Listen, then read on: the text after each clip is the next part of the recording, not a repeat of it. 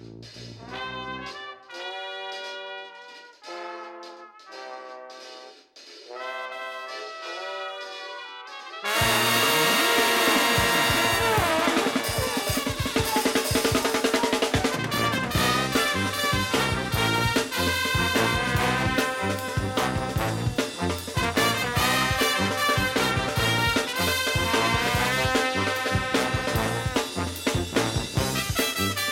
Helo a chroeso i Ysbeidiau Heilog, podlediad sy'n rhoi sylw i'r pethau bach sy'n gwneud gwahaniaeth mawr i ni yn ystod y cyfnod hollol honco hwn. Fy enw i yw Lee Jones. A fi yw Llwyd Owen. Diolch yn fawr i chi am rando. Uh, dyn ni'n bodlediad hollol annibynnol, felly uh, os ydych chi'n gallu helpu ni allan drwy tan ysgrifo a rhannu'r podlediad, byddwn ni'n hynod o ddiolchgar i chi. Uh, peidiwch yn hofio i ddilyn ni ar Twitter hefyd, at ysbeidiau hei pod. Clyfar iawn yn de. So Llwyd, sy'n rwyt ti? Wel, lasers. Am wythnos ers i fi siarad gyda ti. Um, nes i ddim sôn am y peth yn ystod y benod diwetha, ond mae fy merch hennau wedi bod yn reit sal. Um, yn gorfforol sal, hynny yw dim yn feddyliol sal. So mae... mae Dyma ni'n dechrau penod arall ar nodi'n hyfryd a hapus. Things can only get better. A mae yna ma ddiweddglo hapus i'r stori, so brace yourselves. Ond ie, yeah, mae Elian, oedd Elian wedi bod mewn y mas o'r ysbyty ers ti a deg diwrnod. Um, a, o'n i ddim yn gwybod beth yn bod yn o'i. Oedd hi'n methu stopio bod yn sic A nath e ddigwydd tair gwaith lle oedd hi'n sic am ddeuddeg awr straight. Oedd e'n fucking horrific. E, um, ath i'r ysbyty tair gwaith, hala noson tair gwaith. A ar y trydydd tro, sef nos Wener sy'n jyst wedi mynd, um, wnaethon nhw o'r diwedd ffeindio allan beth oedd yn bod arno hi. Oedd gyda'i cyst mawr ar ei ofari a hefyd oedd un o'i ovaries i wedi troi, twisto dwywaith. So wnaethon nhw lawdrin neu cynnal llawdriniaeth hynny yw um, i sorto'r broblem a mae hi adref bellach yn y gwely, milking it completely yn bwyta Ben and Jerry's tan bod hi'n borstio a pham lai, ti'n gwybod? Yeah, os o'n i di, os o'n i di bod trwy hwnna, os o'n i, wow, yeah. os o'n i di wneud yr un peth. Um, o'n i dweud hwn o'r blaen ti, dwi'n absolutely gutted i ti, achos, ti'n gwybod, newydd cael y, y plant nôl i ysgol, a wedyn, dyma hi wythnos wedyn, oh, na, rhaid i fi, rhaid i fi aros yn y gwely, sorry dad. Ie, Yeah, ie, yeah, ond just, I mean, wrth gwrs, diolch beth bod wedi sorti fe, ond fuck me. Yeah. Mae pawb mor knackered a mor grumpy a mor grac yn TV. Uh, mae wedi bod yn fel damage limitation heddiw gyda'r missus. so the ti'n dweud, oedd hi, wedi bod yn aros efo hi yn yr ysbyty. Ti wedi bod ar Easy Street. fi wedi bod... Ti di bod, bod yn aros adre. Ie. Yeah. Yeah. Yn edrych ar ôl yr un iaith. Ar bapur, ar bapur mae'n edrych fel uh, Easy Street, ond Wel, fel tad dy hunan, Lee, ti'n ti gwybod, mae... Um, oh, mae just... Bys ti'n ti swap a lle gyda nhw, right? Be bynnag, I mean, obviously, sy'n ovaries gyda fi, so oedd hwnna'n amhosib, ond ti'n gallu, ti'n gweld, ti'n gweld y blant Uh, mynd trwy unrhyw beth fel na, ti just, ti just yn teimlo, wel, o'n i, o'n i boi bod ti'n mm. ddoctor, ti'n teimlo mor, yeah. mor ddiwedd. So, yeah, yeah, yeah. A, a diolch beth am Lisa hefyd. Mae ma Lisa yn gweithio yn um, y diwydiant neu'r maes iechyd. Mae hi'n ddeuategydd sy'n gofalu o pobl sal iawn. E, fath o end of life care bron neu pobl nil by mouth o leia. Ac, um, I mean, fi yn hopeless. Dwi yn um, uh, gair gwych i ti. Dwi yn waithafwr pessimist. Oh. So dwi'n mm. dwi, mynd. Right, so, so mae hi'n sal, right? So yn syth, dwi fel, all right, so mae gyda cancer. Dyma diwedd. It's like, right, that's it. Mae'n mynd i farw, fori. Um, dyma Lisa yn lot mwy down to earth a yn lot mwy cool. So yeah, bysau. Yeah. So fi, on, it's all an act, achos fi ddim eisiau mynd i'r ysbyty. yeah. Well, dyna, ond, ti'n modd, dyma'r peth mae rai cofio. Mae'r ma corff dynol yn amazing. A mae'n gallu mynd trwy lot a goroesi. mae dwi'n gallu gweld. Ond ti'n mae'r ma corff yn gallu dioddef lot. Mae'n gallu dioddef cymaint a, ti'n bod, a bod yn ffain rhyw, ti'n bod, ar ôl hynny. So, Mae'n dda iawn am drysio ei hun yn diwe. A mae hynny'n anodd cofio weithiau pan ti'n gweld rhywun yn sal. Oh, yeah. Ond, ti'n bod, mae'n ma, ma, ma wir yn diwe. Yndi, ond tr tr tr tr tr tr tr chwech awr mewn i Chunder Fest nos Wener. Ie. Ie, wel ie, a dyna thing, ti'n bod, os, os ti ddim yn gwybod beth sy'n bod chwaith, mae hynny, mae rai bod hynny just mor, mor anodd, achos ti'n bod, ti'n gallu, ti'n gallu egluro, os ti'n bod, food poisoning neu rhywbeth, o, oh, oce, okay, wnaeth o'n basio, bydde ti'n iawn, wnaeth e, i yn lythrenol pasio, hmm. ond, ti'n bod, ond, ti'n bod, rhywbeth fel yna, rhyw fucking ddirgelwch sy'n neud, sy'n neud y ferch di'n wneud y ferch mor sâl. Ti'n ddim just, nid just bod i'n, ti'n bod, o, oh, mae gen i cur pen neu rhywbeth. Achos mae ma bod yn sal am, ti'n chwedu am mor hir a hynny. Mae hynny'n ddifrifol. Mae hynny yn argyfwng. Ie, ie, ie. Oedd e'n sicr yn argyfwng, ond ti'n bod beth hefyd, obviously, uh, mewn blwyddyn, ti'n bod, heriol tu hwnt i'r e, uh, NHS. Mae roedd, mae roedd, uh, e, diolch iddyn nhw. Ond nhw yn anhygoel o dda. Uh, Oeddet ti'n clapio nhw yn y, yn y sbyty? O, oh, o'n i'n cerdded rhwng y coridorau gyda sosban. yn, yn dyhun o'r plant i gyd ar y pediatric ward. Sh shut up, I'm fucking clapping! plant, plant mae'n swnio'n rough. Lle ddyn nhw? Doedd y plant mae ddim o rhywbeth yna, nagodd. oh, god, na, mae nhw'n gyd yn mynd i private healthcare. Bwpa, mate. Um, ond, um, ie, yeah, mae rhaid, mae rhaid dweud yna, ond nhw yn amazing. A, ti'n ma, y ffaith bod nhw yn... Um, oh, just mor o falgar gyda hi. Mm. Just uh, wirioneddol, ti'n ma, hats off. A ni gyd yn gwybod bod nhw ddim yn cael eu gwerthfarogi gan y uh, Llywodraeth. Yeah. So, I mean, os... oes... a mae'n os... ma anodd mae'n anodd iawn bod yn neis at blant pobl arall oh, hefyd. Sy'n byd mwy annoying na plant pobl arall.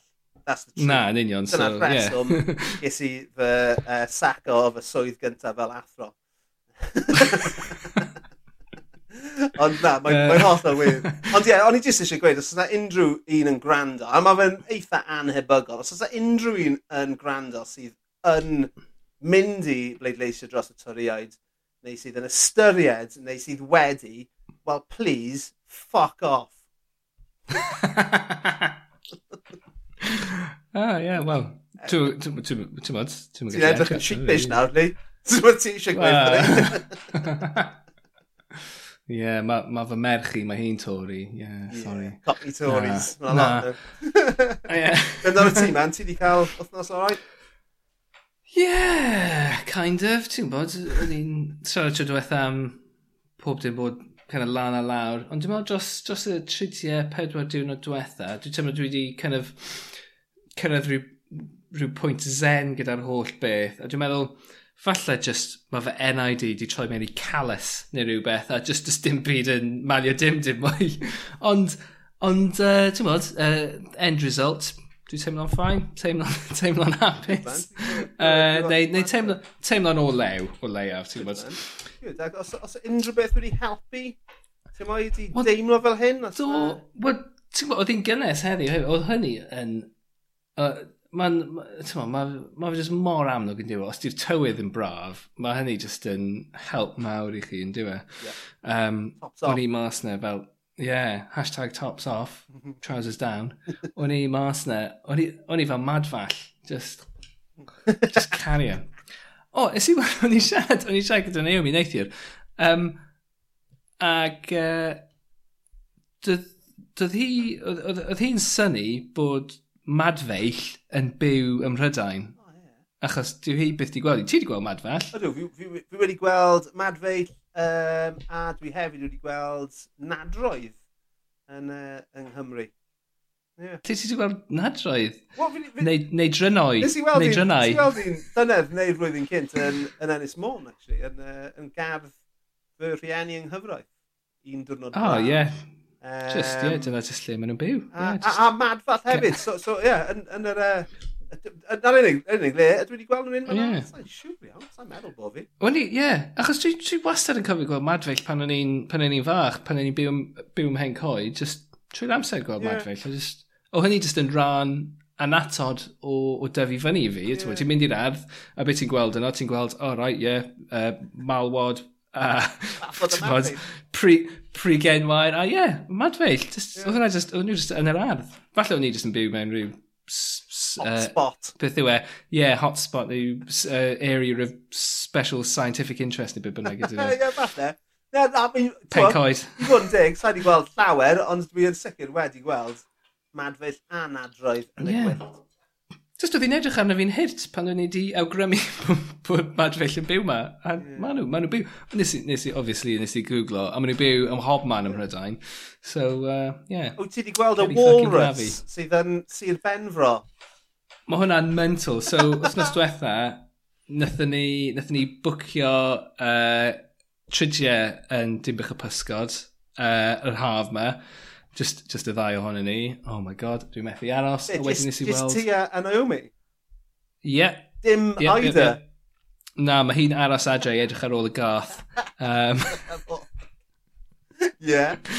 So lle chi'n mynd? Na, na, just dim bych y pysgod. Lovely. Yeah. Lovely. A wedyn, ie, yeah, a, a nes i weld y walrus. Mae hwnna'n mental. Yeah. Full on walrus. Yeah, Ti'n gwybod beth i... Pan wedodd Lisa wrtho fi, o'n i ddim yn... Fel, fel fel Naomi gyda dy fadfeill di, o'n i ddim yn credu'r peth. O'n i fel, no Na. way mae hwnna'n wir.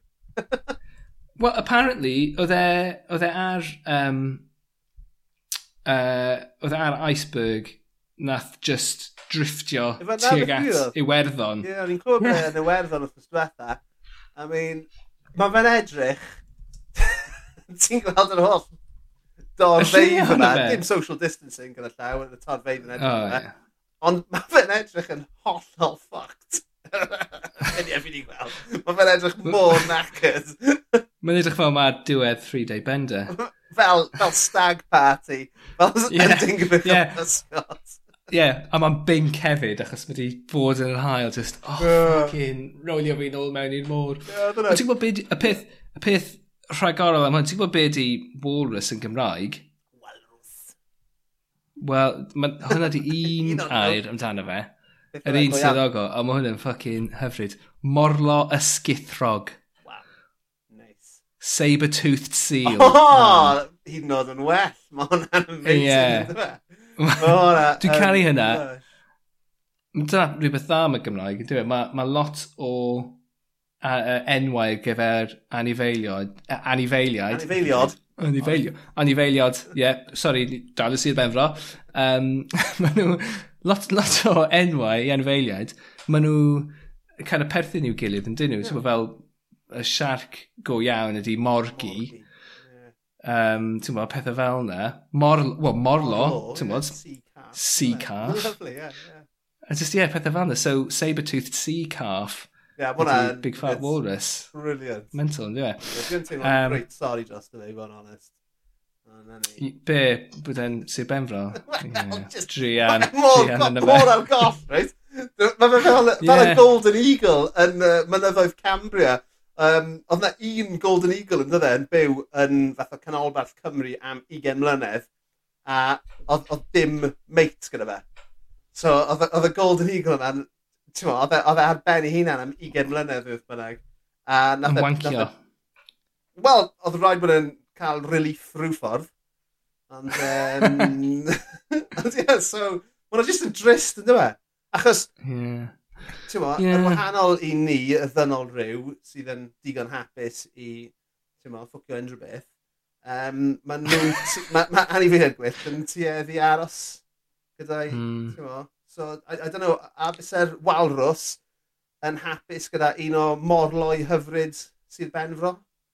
Probably not. Wel, amser a ddengis. Dyna chi idiom Gymraeg dda, ni ddim yn disgwyl hynna i llithro allan o'n nghegi mor, uh, mor llif yna hynny. Beth all sydd wedi bod yn uh, rhoi gwen ar dy wyneb di wythnos yma te, Lee, unrhyw beth? Wel, Llwyd, mae hwn yn uh, mae hwn reit i fyny fanna ar, ar y lefel o tentacles, ond uh, y peth... Here we go. Y peth, y peth yr wythnos yma sy'n wir wedi gwneud fi'n hapus, y peth bach yw nes i, uh, nes i clirio'r garage. Wff. Sexy. Uh, oh, god.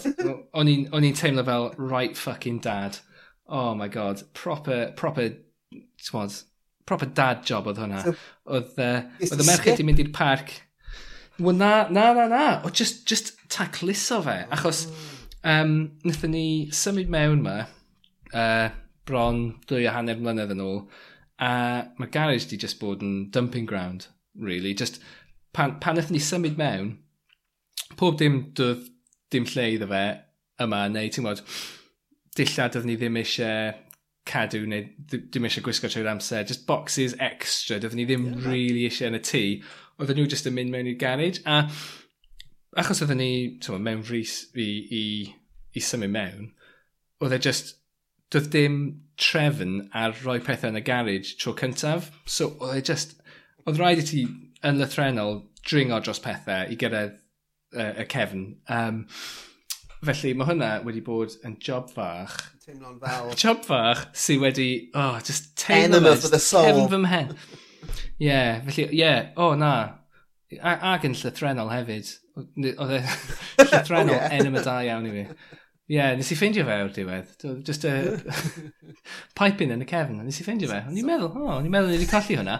So, um, ti'n rhywbeth cool mewn hwnna? Rhywbeth ti'n anghofio? Uh, mandolin. A o'n i'n...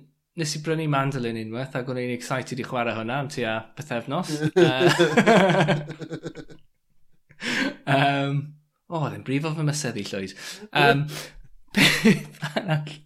Um, na, ond ti'n bod, mae jyst llwyth a llwyth o le yna nawr. Achos y, y thing hefyd yw, ti'n bod, ti wedi byw yma am dwy a hanner mlynedd a ti prynu llwyth o ddodref na llwyth o stuff. A mae ma, mae'r stuff yma, mae'n cael ei, pan mae'n ma, ma dod, mae'n mewn boxes, a mae'r boxes, dyn nhw ddim i gyd yn ffitio mewn i'r uh, mewn i'r bin ailgylchu tu allan, a maen nhw ond yn casglu'r ailgylchu unwaith y pethefnos, so mae'n rhaid i chi rationio be ydych chi'n rhoi mewn i'r bin, sydd yn just oh, poen yn y tîn effernol. So, just llwyth o boxes yna hefyd, just a, a nes i sortio nhw i gyd allan, a dwi'n mynd i, uh, dwi'n mynd i trefnu casgliad gan y cyngor, bore fori, a mae'n mynd i ddod, cymryd y boxes mae i gyd. A nid yn unig hynny, mae gennym ni, um, mae gennym ni toiled lawr grisiau, a mae hynny wedi bod out of commission ers tua chwech mis ar ôl i ni symud mewn, achos... Um, yeah, yeah, yeah. just, just, bod nhw just yn dense, ti'n gwybod? Guinness Guinness, QR a tortha pum pint a dyna, dyna beth sy'n digwydd. Ond na, dyma, ond be ddigwydd, nathon ni cael uh, bedbugs. Nice. Uh, classy. Ie, yep, yep. Chi cael bedbugs? Like genuine, genuine question, sy'n syniad o fi. Dim, dim syniad. Dim syniad. Wel, ie, yeah, na, dwi'n gwybod. Mae'n just, mae'r ma, ma, ma, ma rai pobl yn dweud, mae'n bosib i chi ddal nhw gan pobl. Wel, un, un o'r pethau mwyaf cyffredin yw os ydych chi'n cymryd hen darnau o dodrefn gan bobl, a maen nhw, maen nhw mewn yn rheina. Um, ti'n siarad bedbugs neu ti'n siarad chwain? Na, bedbugs. Okay. Bedbugs, right. Mae chwain chwain yn small fry, not just oh, literally, ond maen nhw... cael chwain, outbreaks. Mae pawb wedi cael chwain, a ti'n meddwl, mae ffain, just vacuum, vacuum, vacuum, a bydde di'n ffain efo chwain. Bombs o'n i'n Bed... defnyddio bombs i'n neud. Yeah, oh my god. Na, mae bedbugs yn, mae bedbugs ar lefel so, hollol gwahanol o hyn llefus. Mae nhw, maen nhw yn amhosib i cael gwared ohonyn nhw. Um, a nid yn unig hynny, mae nhw yn brath i chi ac yn gadael marciau a, a, a A maen nhw'n anferth a maen nhw'n symud yn gyflym a maen nhw just yn fucking horrible. Anyway, nôl at uh, downstairs toilet. Um, Please. Oedd, um, so, oedd gennym ni bedbugs, a beth sy'n rhaid i chi wneud pan ych chi'n cael bedbugs yw cymryd y soft furnishings i gyd, golchi nhw gyd am um, dros 60 degrees, achos mae ma fe bron yn amhosib i, um, i, i lladd ei oia nhw, achos mae ma ei oia nhw bron yn invincible. Felly dyna pan maen nhw mor anodd i, i cael gwared ohonyn nhw, achos ydych chi'n methu um, torri life cycle. Felly, os ydych chi'n gallu lladd nhw pan maen nhw'n oedolion, ond os nhw wedi dod i wyau yn barod, ydych chi'n fucked, basically. Um, anyway, cymryd gyd o'r soffit, nes gyd o'r dillad, nath ni wneud hynny, a nath ni roi nhw gyd mewn plastic bags, a roi nhw yn y toilet lawr grisiau. A hwnna oedd y quarantine, a wedyn cymryd nhw fesel bag yeah. allan o fanna i golchi pethau, a wedyn gyd oedd, nôl, gyd oedd ar ôl yn fanna oedd y stuff oedd angen mynd i dry cleaners, achos, oh, fuck you, yeah, mynd i dry cleaners. Um, so, just hwnna, a wedyn, oedd just ambell i beth, ti'n bod, hyn Vox yn cael ei, uh, cael ei daflu mewn yna, felly oedd hwnna just out of commission. Ond gyda'r garage yn cael ei glirio, o'n i'n gallu clirio uh, y toilet lawr grisiau hefyd, so nes i gael uh, nes i gael ceremonial dump yn fanna bore yma llwyd. nice! nes i, nes i uh, ailgrisnogi'r lle. Dyle fi di uh, uh, gwahodd y mair i ddod lawr i, i ailac o'r y toilet. Ei hun. Yeah. Nes i gyda fe unwaith, mae fe'n fyr iawn ti'n gwybod, ti'n 5 foot 3. 5 foot 3? Mae fe'n ma fe tiny sydd wedi cael, ydy. Oh, well, Ond mae fe'n Fel Tom yeah, Cruise. ond mae fe'n... Ond dwylo, dwylo soft iawn. Ie, lle nes ti gwrdd fe. O, oh, rhyw music industry wanky thing. rhyw, rhyw cinio am ddim. Barang Awards. so ie, yeah, so mae di wneud gwahaniaeth mawr i fi, clirio'r garage. Yn amlwg, man, fi'n gallu gweld bod, e, uh, ti'n modd, bod ti'n ti'n e, uh, ti, ti, ti lot ysgafnach, dy faich heno, fi'n meddwl. Ie. Yeah. Ora Ie, dwi, ie, dwi'n meddwl falle hwnna, falle hwnna oedd e. Ond just, just kind of neud rhywbeth. A ma, ti'n meddwl, ma, ma tacluso yn rhywbeth sydd yn dda i chi. Os, os di pethau mynd yn fled, di hynna ddim yn helpu, os, di hynny ddim yn helpu iechyd meddwl chi. Na. Um, I mean, dwi'n... Dwi, un o, un o. Dwi'n obsessed gyda hwfro y tŷ. O, o ystyried pa mor afiach o'n i yn fy arddegau yn mynd mewn i fy ugeiniau, mae'n ma anhygol pa mor domestic ydw i nawr. Domesticated ydw i nawr hyd yn oed. A, mm. a mae ma, gyda ni, ma ni anifeiliaid a plant yn y tŷ. A mae gyda ni lloriau gwyn, wel dim cweit yn wyn, ond off-white, sydd yn dangos pob fucking marc. A mi fi'n swnio mm. fel, mo, fel mam nawr. Um, as in fy mam i, ddim his mam. ond, ond honestly, fi'n fi hwfro, I reckon, o leia dwywaith y dydd. That's... What? Fi yn. Mae gen ti nofel i sgwennu llwy, ti jyst yn procrastinatio. Ond on, on, on, on, y pwynt yw, yw fi, fi yw, fel ni wedi siarad yn y gorffennol ar y podlenw, fi, fi yw'r chef, so y gegin mm. yw fel fy ardal i. So mm. mae ma rhaid i fi gadw yn, yn lan. Dwi'n... Dwi, dwi... Dyna, dyna beth dwi'n neud, ond nes i gael i bethau llithro yr wythnos diwetha, a wnaeth Naomi wneud deep clean o'r geg yn wythnos diwetha, a wnaeth e i wneud e... Ffeindio sydig total, gan! yn hollol, na, wnaeth i wneud, nath i wneud deep clean o'r gegin mewn ffordd hollol uh, passive-aggressive. Oedd yn amazing. Nice. Proper power move ganddi hi. Just, yeah, dwi'n mynd i fucking glanhau lle yma, achos dwi wedi bod yn gofyn i ti am trydia. ti'n Dwi methu fucking codi off dy dyn di. Yeah, well, do you know what? I'll show you. I'll fucking clean it for you. A wedyn dyma fi yn eistedd yna ar fy hun, edrych fyny o fy ffôn a dweud, yeah, that showed me, didn't it? Nath y gynllun dieflig weithio. no. Ond, ond dyna un o'r pethau pan... Um, pan mae iechyd meddwl fi yn dechrau dioddau, un o un o'r telltale signs gyda fi yw bod fi eisiau glanhau pethau. Like, A, dwi, a, a eisiau gwneud job da ohono fe. Achos fel arfer, mae gen ti rŵtín pan ti'n clynhau'r gegin, right? Ti'n gwybod, ti'n gwneud y, y pethau yr un mannau yn yr un ffordd a be bynnag. Ond os dwi'n gor wneud hi a meddwl, na, o, oh, na, dwi'n mynd i wneud o dan y draining board eto. A ti'n gwybod, pethau fel na, ti'n gwybod, mm, uh, yeah, mae hynny yn telltale sign i fi i ddangos, ie, yeah, ti'n dechrau colli uh, dyfarblus. Achos, achos modd, be dwi, achos dyma fi nawr, fucking armchair psychiatrist, modd o um, rheoli dy amgylchedd yw e, yeah. yn diwe. Achos, ti, achos os ti'n teimlo rhyw, rhyw golled o, o reolaeth hynny mewn man arall o'ch bywyd chi, mae, dych chi'n cymryd yr, yr initiatif i, i kind of, i, i fod mewn reolaeth mewn, mewn man arall, dwi'n meddwl. Ac uh, e, yeah. glanhau i'r ffordd dwi'n neud hynny. Yeah, diddorol. Diddorol, man. Ond, dwi ddim... Dwi, dwi... Arwynebol yw'r yw glanhau yma. Ti'n mo, na i roi'r hwfer, ond Christ, mae yna ma, na, gornali o'r gegin, bys ni ddim eisiau mynd yn agos at hefyd. Like, beth oedd rhywun, dwi'n meddwl rhywun ar, ar random yn dweud wyt ti'n, uh, beth yw'r idiom? Um, dwi'n uh, hwfro fel tas ti'n byw mewn tŷ crwn. Pwy fe nath rhywun weis yna, do? So if you're yeah. Mae beth angell no, then, rwy'n fel as, mae beth oh, angell, mae beth yeah, angell yn, mae hi, fel hi'r, o, oh, mae hi'n ei thafol, mae hi yn glynhau ac yn golchi yn, honestly, like, borderline, bys beth ddim ots da fi'n gwir, mae'n borderline teimlo crazy o ran uh, pa mor, pa mor, neu faint o olchi a glanhau mae hi'n neud. Mae'n um, mae eitha anhygoel. Ond, um, ie, yeah, sa'i cweith fel yna. Di pob dim yn iawn gatre, Beth. Wel, mae gweddill yn teulu'n ffain, Beth, not so much. uh. So beth amdano ti Llwyd? Uh, pa, pa beth bychan sydd wedi... Um... Wel, wel, sydd wedi wneud y busnes. Um, Wythnos yma, roes fel i jyst wedi clywed gyda fy anturiaethau ein teulu yn, yn, yn iechyd yn, yn, mewn y mas o'r ysbyty a pethau fel yna.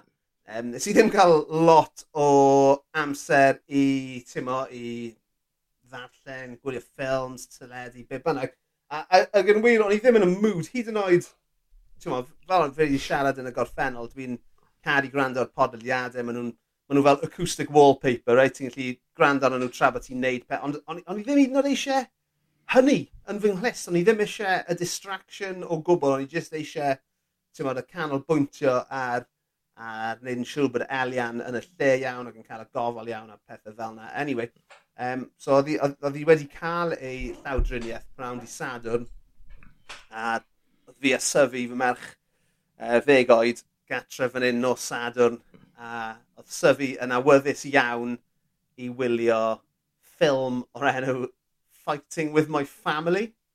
A o'n i wedi clywed am y ffilm, ond o'n i ddim yn gwybod unrhyw beth am y ffilm. A mlaen ar ffilm. A I gotta say, dyma chafbwynt fy wythnos i. Heb os. Um, Fi'n siŵr bod ti yn gwybod yr hanes. So, na i, na, na i rhoi fath o summary bach cronodeb i'r grandawyr o'r ffilm. Tra gofyn bod nhw e- beth wedi clywed e amdano fe. So mae'r ffilm um, Fighting With My Family, stori, a ti'n mynd i hoffi'r geiriau yma, um, stori am yr ymgodymwraig broffesiynol Saraya Page Knight a'i theulu sydd i gyd yn ymaflid codwm. Goffi rhaid. Excuse me? Mae hwnna'n swnio fel Mae nhw angen enw yma. Dyn nhw angen enw yma am hwnna. Rhaid i'r geiriau Cymraeg am reslo. So, ym, ymgodymu yn, yw reslo. Ym, ymgodymraig, female wrestler. Obviously. Yeah, sexist language. Ymaflid codwm hefyd yn golygu reslo. Um, ymaflid, oce, okay, so ymaflid, rhywun sydd yn ymafael ar rhywun. Ia, yeah, codwm. Be di codwm? Codwm yw fel cwimpo, gael arall am cwimpo. So, okay. yeah, Dafydd Ap Amazing, love it. Dafydd Ap Gwilym. Oh, fucking amazing, right? I mean, yeah, wrestler. Mae nhw'n wrestler. yeah, yeah, yeah. yeah. Ti'n cofio'r S4C? Ydw, um, Raglen Orig, yeah. yn, yn, yn yr 80au hwyr a 90au. Beth, oedd enw hwnna? Y um, Cosm. Wrestler. o, nage, nage. Wrestler. Mae'n ddod yn orig uh, mewn munud, achos oh, ei, ei oh, fywgraffiad e yw un o'r llyfrau gorau fi wedi darllen Dwi'n dwi caru orig. Amazing. Any, anyway, nôl at y ffilm yma. So yeah, Fight With My Family, mae ma fe'n sôn am y teulu y Knights o Norwich sy'n rhedeg y World Association of Wrestling rhyw Um, maen nhw'n gweud maen nhw'n professional wrestlers, ond oh my god, sa'i beth wedi gweld unrhyw beth sy'n edrych yn mwy amateur yn y mywyd. Um, so so mae'r ffilm yn, yn, yn, yn, yn rhoi, rhoi stori Paige a'i brawd Zac sydd yn caru reslo, sydd yn reslo amser maen nhw'n blant a chi'n gweld nhw'n reslo trwy eu harddegau a wedyn maen nhw'n cael cyfle i fynd am dreialon i fynd i'r WWE a mae hi Paige Saraya Knight yn uh, llwyddo a mae, mae brawd i Zac uh, yn cael ei wrthod a ar ôl y pwynt, lan i'r pwynt yma yn y ffilm, so mae'r ma sort of Bo, ffilm fer, yw i ti awr a hanner yw i awr a tri chwarter falle. So mae'r hanner cyntaf yn, yn really ddoniol. Mae Nick Frost yn fe. Uh, fe, fe yw'r tad, so mae'n fe'n briliant. Um, a, a mae'n wirioneddol ddoniol a greiddiol. A, a dwi ddim yn dwi ddim yn gwybod dim am wrestlo. I couldn't care less am wrestlo. Ond, ond mae fe'n ma fe lot o hwyl. A, a, a, a yn yr ail, mae'r ail hanner, uh, maen nhw'n sort of mynd ar goll mewn ma, lot o tropes o ma, e, e, dy stori, um, chwaraeon um, yeah. arferol, y, y pethau ma'n ni wedi gweld yeah. i gyd o'r blaen. Um, ond... Yeah, diwedd, diwedd y trydydd act, maen nhw'n cwmpo allan. Yeah, wedyn, exact. Dyn nhw'n mynd so, so union beth sy'n digwydd. Mae fe'n cheesy, mae fe'n bach yn formulaic erbyn y diwedd. Ond fi'n gorffo, fi gorffo gweud, oedd gwylio fe gyda fy merch deg oed, fi, Um, a, a gweld, y ffordd mae hi, mae, mae, mae gyda syfu um, ant yn ei ffant yn barhaol. um, dwi ddim yn gallu eistedd llonydd yn hir. A nath i wylio'r cyfan a wirioneddol uh, cael ei ysbrydoli a, a, a, a, a just am hynny, am hynny yn unig, dwi'n ddiolchgar bod y ffilm yn bodoli achos fel ni'n gwybod mae yna ganoedd o ffilmiau am ddynion bechgyn sydd yn dilyn um, y llwybr a'r sto stori yma. Um, ond... O, just unrhyw, unrhyw fath o chwaraeon, yeah, ti'n gwybod? Yeah. Just llwyth o bethau am, am ddynion yn does. O, un, union. So, oedd gweld hwn, a, a, ac ar ôl, ar ôl gwylio'r ffilm, wnaethon ni fynd i wylio um, footage o page, ti'n footage go iawn ohoni, yn WWE. I mean, oh God, ag, e- ag eto... Be nes ti ffeindio pan nes ti googlo hi? Oh my god. Wel, ie, fi'n gwybod, mae yna sex tapes a stuff fel yna. Ond na, just footage o'n hi yn y, yn y ring. a ffynar, a ffynar. ond, um, ond, a, a, a, a, a dwi methu, dwi, dwi methu cymryd y maflid codwm o ddifri. ond, ond eto, syfu yn edrych ar y merched yma, a just fel, fucking hell man, waw. Ma, ma, ma... Y, y neges o'n i'n gobeithio bod hi'n cael o'r holl beth oedd bod unrhyw beth yn bosib, right? Um, hmm. A fi'n gwybod bod hwnna'n cheesy yn ei hun, ond fuck, oedd hi'n stori dda man, a hmm. oedd y teulu yn wirioneddol hilarious. A... Ie, yeah. fel, fel, fel ti'n dweud, dwi, achos dwi'n fan anferth o, o reslo. So dwi wedi gweld... O'n i'n ymwybodol am y ffilm yma am oesoedd cyn iddo fe ddod allan. O ti'n gwybod am, am, am y raglen, achos ffilm ddogfen oedd hi'n reiddiol? Mae yna ffilm yeah, ddogfen. Channel, a, so ie, yeah, a Channel 4. Yeah. Um, Nethon nhw wneud um, raglen ddogfen yma yeah. o... Um, The Wrestlers. O, o'r teulu yma. Fighting with my family gan boer yn yeah. Max, Max Fisher. Um, nath hwnna ddod allan yeah. yn 2012. Sa'n i gweld hwnna. yn bersonol. Well, y, y stori yw, oedd, oedd The Rock, yeah. oedd e, oedd e ym Mhrydain, dwi'n meddwl oedd e'n ffilmio uh, Fast and Furious 6 neu 7, yr un sydd yn Llundain, um, ac oedd e wedi gweld y, y raglen yma ar y teledu rhyw noson pan oedd e'n ôl yn, yn ei hotel. Oh, iawn! A nath e, a nath e prynu'r hawliau i'r ffilm. Amazing. A, a, just achos nath, a just i digwydd gweld e. Yeah. A, a, a, a thing yw, achos mae ma fe yn gwneud cameo ynddo fe, a am, am tua blwyddyn a hanner cyn i'r ffilm dod allan, oedd nhw'n dangos yr un trailer trwy'r amser ar WWE, ar, ar bob dim oedd nhw'n gwneud, sef pan maen nhw'n cwrdd ar rock yn y ffilm. Yeah. Hwnna oedd y trailer, ac oedd nhw'n dangos hwnna am tua 19 mis. A oedd ni'n fucking sick ohono fe erbyn y diwedd. Ond, ond mae'r ffilm yn all right yn diwedd. Ma, ma, ma, exactly, dwi'n e, e ddim, dwi'n e ddim yn, uh, ti'n ma, dwi'n ddim yn ennill Oscars yn dim ond, na. eto, a fel, ac eto, fel tad, i ferched, fi'n edrych am bethau fel hyn yn barhaus. Mm. Um, a mae ma, ma ffeindio rhywbeth stori fel hyn, oedd e, e, e, e wirioneddol yn, yn lush. Ac, um, ti'n mo, a, a, a ti'n mo, fi'n meddwl bod ti'n bod yn eitha, um, ti'n chwarae pethau lawr ychydig bach, achos ti wedi cael gyrfa wrestler dy hunan o be fi'n clywed. Uh, Byswn ni'n Uh, Rydyn ddim yn defnyddio'r gair gyrfa. Ti'n meddwl? Ti'n meddwl bod fi'n gorf Na. Gwneud, tipyn bach. Um, dwi, dwi, wedi, dwi wedi dablo, ie, yeah, ie. Yeah. Pan, I pan, ba raddau? Um, Wel, o'n i... Uh, o'n i'n hyfforddi, so ti'n bod, mynd, mynd a dysgu sut i reslo. Um, so ti'n yn dy arddegau? O, oh, pan, pan naeth... Uh, pan nath y briodas cynta chwalu. So ie, yeah, pan o'n i yn fy. Go iawn na. Ie, yeah, no, go iawn. Diwedd, so am 19 ugen. Ie, ie, ie. Ac yn lythrenol, yr wythnos ar ôl i pethau chwalu, dyma fi'n mynd, right, dyma ni, dyma beth dwi'n mynd i wneud na. fi'n mynd, fi mynd i fod yn, yn ymgodymwr. Pam lai. Uh, Wel, lle oes i gwneud yde? Lle, lle oedd e ti'n so, ffordd i? O'n i'n byw yn... So, o'n i'n byw yn Nimbych, ar y pryd, ac o'n i'n mynd i hyfforddi, nes i ddechrau hyfforddi gyda cwmni yma oedd uh, yn Queensferry. Um, ac o'n i'n mynd yna pob bore syl. Um, yn y capel? Na, na. Oedden nhw wedi troi, troi cefnau nhw arno fi achos uh, yr holl uh, failed marriage thing. Um, na, ond... Ie, yeah, so o'n i'n mynd yna, ti'n meddwl, just dysgu sut i wneud pethau. A wedyn un diwrnod, a dyma, oedd ganddyn nhw sioe yn y pnawn, a maen nhw just, oedden nhw just i tricio pawb oedd yna yn y bore i, i fynd i fod yn rhan o'r sioe yma. mewn rhyw, neu ar pentref rhywle yn Swydd Caer. Uh, so ie, yeah, dwi, dwi wedi reslo o flaen pobl sydd wedi talu. Achos dyma'r uh, dyma peth, reit? Mae ma, ma, ma na mae yna nosweithiau prynhawniau sioiau yn digwydd, wel dim nawr achos Covid, ond maen nhw'n ma nhw dig ma nhw digwydd o hyd. Rownd, mm. rownd Prydain i gyd.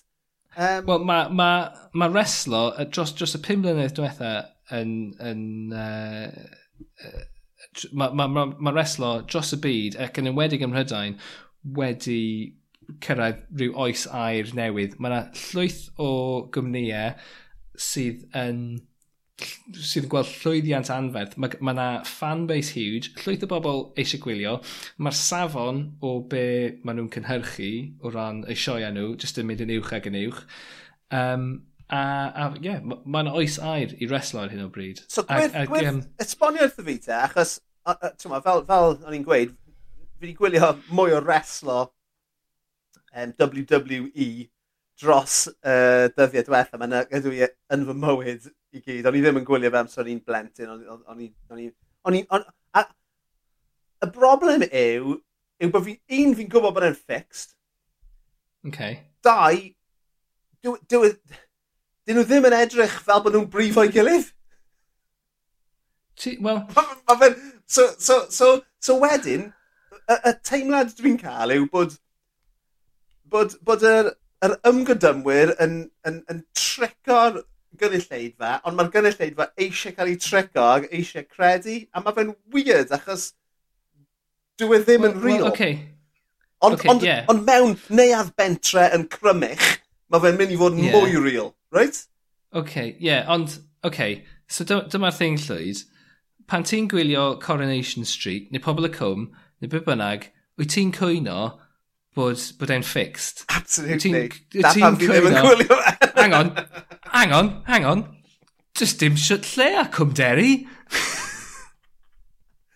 Na, dwi beth i gwylio unrhyw beth a beth i Ond, ond, tymod, ond dyna'r thing, ti'n tymod, mae so, ma fe'n ma fe ddrama, mae pobl, ti'n tymod, suspension of disbelief. Yeah, ond, yeah, so, ond dyna beth yw, e, dyna beth yw, dyna e. beth yw, e, so, so, ond on fi dal, on, Ond fi dal yn credu bod e'n gamp a bod e'n sgil mm. a hmm. Os, ond, ond, ond y broblem, ac o'n i'n gweld hyn, wedi gwylio The Rock a wedi gwylio Page a ei cyfoedion a'i mo, pobl yma, o ti'n gallu gweld bod e'n ffug? So oedd hwnna, ac oedd rhain hmm. oedd y bobl ar top y gêm. Ond, ond y thing yw, dyma ni, achos mae'r ma, ma, ma holl beth gyda suspension of disbelief, dyn, hwnna yw y, yeah y principle sydd, sydd o dan yr holl beth. Ond um, be, be sy'n rhaid i chi cofio yw mae... Os, os ydych chi'n champion, os ydych chi'n ennill y belt, mae hynny yn cael ei considro fel anrhydedd. Mm -hmm. Felly, ti'n dyn nhw ddim jyst mynd i roi unrhyw un fel, fel pen y cwmni, achos pwy bynnag sydd, sydd yn champion nhw yw, ti'n pwy, pwy mae'r cwmni eisiau i'r byd gweld sy'n cynrychioli nhw fel, fel cwmni. So mae hynny'n cael ei weld fel anrhydedd ac um, mae, ma fans yn gwybod pwy yw'r bobl yma. So, O'n i'n gwybod pwy oedd Paige cyn iddi hi fynd i WWE achos dwi wedi gweld hi bwy'n y thebyg yn neu ar dref yn y ril. Ie, ie, ie, ie. Um, Achos dwi'n... Mae ma, ma pobl yn yn adnabod y bobl yma a maen nhw'n gwybod y, y, y siwrne mae'r yeah. actorion yma wedi mynd arni.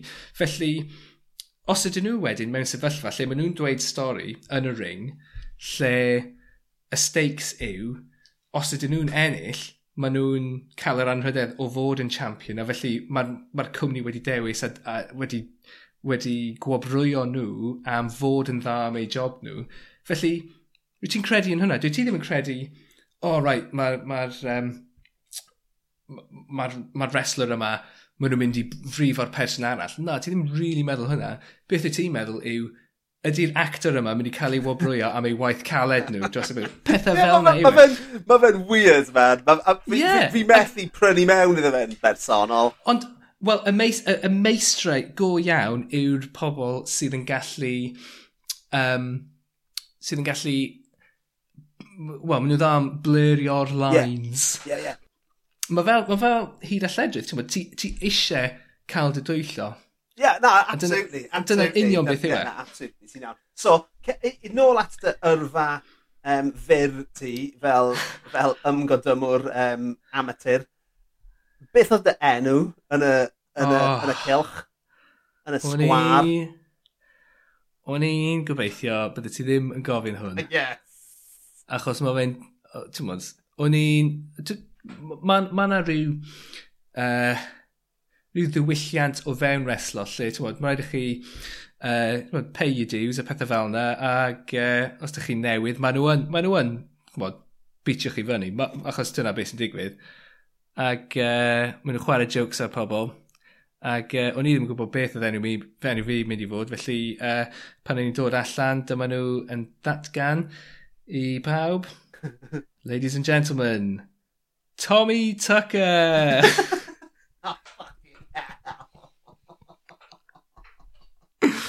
Oh, oh my god. Oedd gen i migraine hefyd achos o'n i heb cael unrhyw ginio. Dwi'n cael migraines os dwi'n cael cinio. A dyma fi, migraine. pathetic wrestler. Tommy Tucker. Tommy Tucker with his, mi his mighty migraine. mighty migraine, so hwnna'n enw. So Neu, just losers, yna. God. Oedd hwnna'n uh, low point. just unwaith nes di ymladd yn gyhoeddus. Unwaith yn gyhoeddus, ie. Yeah. Ond wedyn ar ôl hynny nes i symud i fan Ceinion ac o'n i wedi cael ymlaen i'r ffordd ers hynny. Ie. Dyrwn ni fy hun yn ddyddiol. Uh, ie, uh, yeah. ond wedyn nes i symud i fan Ceinion ac uh, cario ymlaen i uh, hyfforddi yn fanna. Trail clas. Yeah. Ond ti gario ymlaen i ymgodymu yn yn Manceinion? Ie, ie, ie. Oedd e? rhaid i, yr unig... Nes i wneud am tua blwyddyn a hanner? Dim cweit. All told. Dim cweit mor hir ag o ti yn comedian. Na, o'n i'n comedian am be, peder, peder mlynedd, peder a hanner mlynedd. Ond yr unig reswm nes i stopio reslo oedd achos um, nes i gadael fy swydd i ddechrau astudio, felly o'n i ddim yn gallu fforddio mynd i'r sesiynau hyfforddi dim mwy. Man, what could have been? Yeah. What could have been, Lee? Yeah, well, ta waith.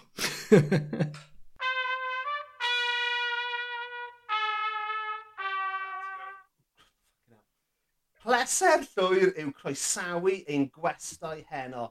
Hen ffrind ac yn syml, un o bobl mwyaf ffynnu Cymru. A ffynnu ha-ha fi'n meddwl, dim ffynnu fel un o'r weirdos yna sy'n dod o Bow Street Ceredigion.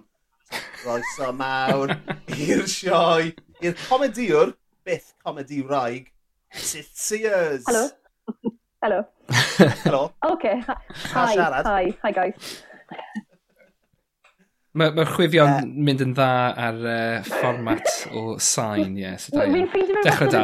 Ie, mae fe wastad yn confusing ddo. So ti'n cael fath o um, video call pan ti'n neud just audio record. Achos fi just yn... Na gyd fi'n mynd i wneud nawr am yr awr nesaf, mm. just watcho fy hunan. Esyn, diolch yn fawr iawn i ti am ddod ar y uh, podlediad. Um, Mi'n caru dy waith, a mae gan Lee gwestiwn i ti. Mae'n rhaid i fi o bod beth yw dy hoff gaws di? OK. So fi angen esbonio iawn. So, wi wedi dewis hwn just wrth feddwl, tas y fi dim ond yn gallu cael un caws am byth, pa'n fydd fi dewis. A mae'n gorfod bod yn mature cheddar. Fi'n really sorry, achos fel, mae yna load o cawsys eraill fi'n licio. Fi'n licio'r un Castello gyda pinafal a'r walnuts arno fe, mae hwnna'n amazing. Fi'n licio smoked applewood, fi'n licio'r un gyda cranberries ynddo fe. Fel fi lyco nhw gyd bri, gallai fi hita llond olwyn o bri fy hunan, ond os fi'n gorfod dewis un, ie, yeah, mae siw cheddar. Wel, ie, yeah, toddler's choice. Ond, ie, yeah, good, good oh versatile, all-round cheese, right? Ti'n gallu... Ie, yeah, ti'n gallu gwneud lot o bethau efo hwnna. Ie. Yeah. Good, good in a toasty. Absolutely. Dwi ti wneud y toasties? O, fi'n dyfaru dewis fi nawr. Oh. Wel, okay, well, dwi ti ddim actually yn gorfod sticio i hynna am weddill dy oes. Okay, oh. Mm. On, just, just icebreaker i hwn. Dim pwysau. yeah. Sym rhaid i si ymroi dy hi'n gymaint i just, just bit ac cheddar. Dwi'n meddwl yn hwn yn syfiau. Does dim byd arall yn mynd mlaen ar hyn o bryd. Dwi'n pwyso arno fi. Um, Wel, falle te, fel, fel ail Yr un, yr un, yr un castello gyda um, y pinafal a'r um, walnut arno fe. O le mae hynny'n dod? Yr er, Eidal neu Sbaen, un o'r ddau. Neu, neu Sainsbury's, neu Waitrose, neu... Sainsbury's, na'n dod o'i ti. Really nice, ar crackers, just ar crackers. Yeah. Beth yw hoff caws ti te, Llywyd? O mae fe newid trwy'r amser tal. I mean ma'... fi, ...fi jyst wedi cael heno nes i wneud um, Bombay potatoes ond 10 munud cyn y diwedd nes i taflu blocs o halloumi mewn i Bobi. Oh. So Bombay potatoes gyda halloumi. Oedd hwnna... Neis. ...o odd e'n amazing. Mm. Um, ond fi fi really, fi'n caru cambazola, sef like uh, caws fel brie ond gyda um, gwythiennau glas. Mm. Fi'n really caru hwnna. Um, Santa Gur yn gorgeous, mm. sef fel like, a cream, on, a cream cheese eto gyda caws glas. A un o fy fryfrau yw Primula cheese spread. Fucking love that cheese spread, man. Gyda rhywbeth ynddo fe? Ham ynddo fe? Neu chives? Neu...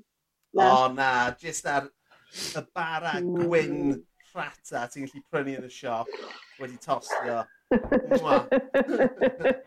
oh, actually, Mae Ultra Comida, am synadolig, maen nhw'n cael um, supply o bri gyda truffle ynddo fe, fel layer o truffle. Mae'n really gostus, mm. ond jyst ar gyfer nadolig, a mae hwnna'n amazing. Na, oedd Lean fath o trio join o fewn fyna, nath e well, trio na. wneud fath o fel, ww, fel, ww. Wel, dwi'n na, dwi'n hoffi truffle oil. Oedd hwnna ah, bron. Little truffles, dwi'n little truffles. Neu mewn mash. O, ti'n gwybod be ges i, Heno Llwyd? Richmond sausages. Ah, oh, fucking mm. hell yes. Bangers right. a mash. Fi wedi bwyta nhw bron bob dydd ers i Ows Gwynedd sôn amdano nhw wrth ysbetha. O, oh, maen nhw'n wych. Maen nhw'n wych. Frio neu grillo. Ie. Just roi nhw'n pop tea. Yeah. Okay. Mysterious thing. Frio, yeah, os, frio. os fi'n gallu ffrio rhywbeth, fi'n mynd i ffrio fe. That's simple. Ie, hwnna'n, hwnna'n, hwnna'n, hwnna'n motto fel arwyddo fy mywyd i. Yw, os yeah. gallu ffrio fe, na i ffrio fe. so ni fan hyn, uh, er Esyll, i siarad am uh, pethau sy'n neud ni'n hapus um, yn ystod pandemig sydd byth yn dod i ben. Ni mewn, mae'n mynd o Covid-19, mae'n mynd mewn i Covid-21 yn barod. Um, so, beth sydd wedi bod yn rhoi gwen ar dy wyneb di yr wythnos yma? So, mae po... oh, sorry, sorry, mae fucking Alexa fi just to kick off.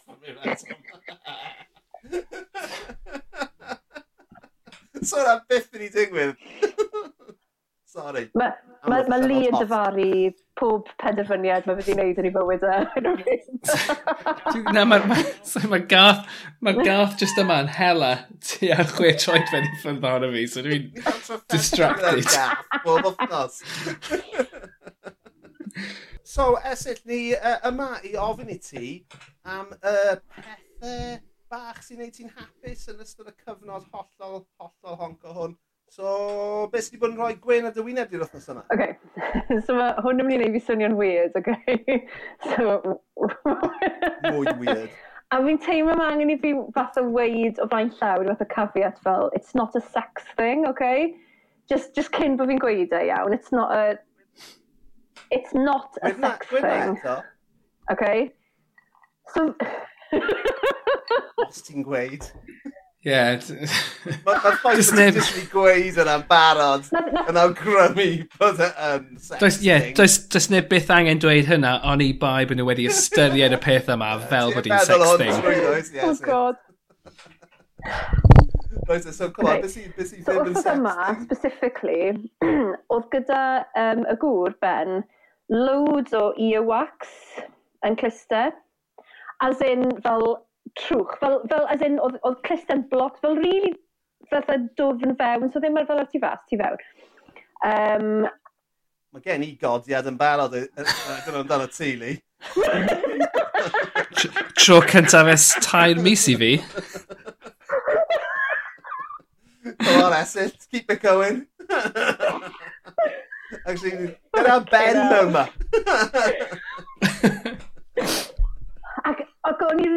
dechrau fath o trio cael y mas, o, nath o gymryd lot o berswadio ac yn y diwedd ges i, ac oh my god. Mae'r teimlad, pan wyt ti'n llwyddo i fath o sgwpo, fel massive chunk o wax allan o clust rhywun. Oh my god, oedd yn amazing. O'n i'n gydi. O'n i'n y gegin ac o'n i fel yn crynu. O'n i mor hapus. Wow. So beth ah. ti di wneud? Ti, ti di cadw hi mewn jar na, neu... Na, nes i, nes i roi e yn y bin, ond mae hwn yn ddilyniad fel mae hwn yn... Mae yna batrwm i hyn, achos mae, mae gyda'n fabi, mae'n fabi'n beddau brwydd oed, a mae gyda fe cystiau rili really fochedd. A fi'n gynhau cystia fe fel dwywaith yr wythnos. A mae fe'n gweld fi'n dod gyda'r pot, fel y cotton bud pot. A mae fe just fel, oh, go on te. a jyst yn rhoi ben i'r ochr. A fi jyst, fel ei yna oesoedd, jyst fath o'n... Esyll, esyll, esyll. Mae gen i gymaint o gwestiynau. Achos dwi'n dwi, dwi, dwi berson sydd yn ystyried fy hun fel rhywun sydd gyda lot o gwyr yn ei glistiau. Dwi'n... Oh. Dwi'n... Dwi'n... dwi um... Ti'n trio chat o hi fyny neu rhywbeth llwyd? Wel, bwm, ie. Ti'n briod? Hey. Mae'n gweithio. Gotta fi all the cotton buds. Ond go iawn, fi'n goffa wneud y bob wythnos, a yeah. dwi'n dwi dwi n, uh, uh, yn echdynnu bydredd trwchus. A, a mae fe'n cael ei...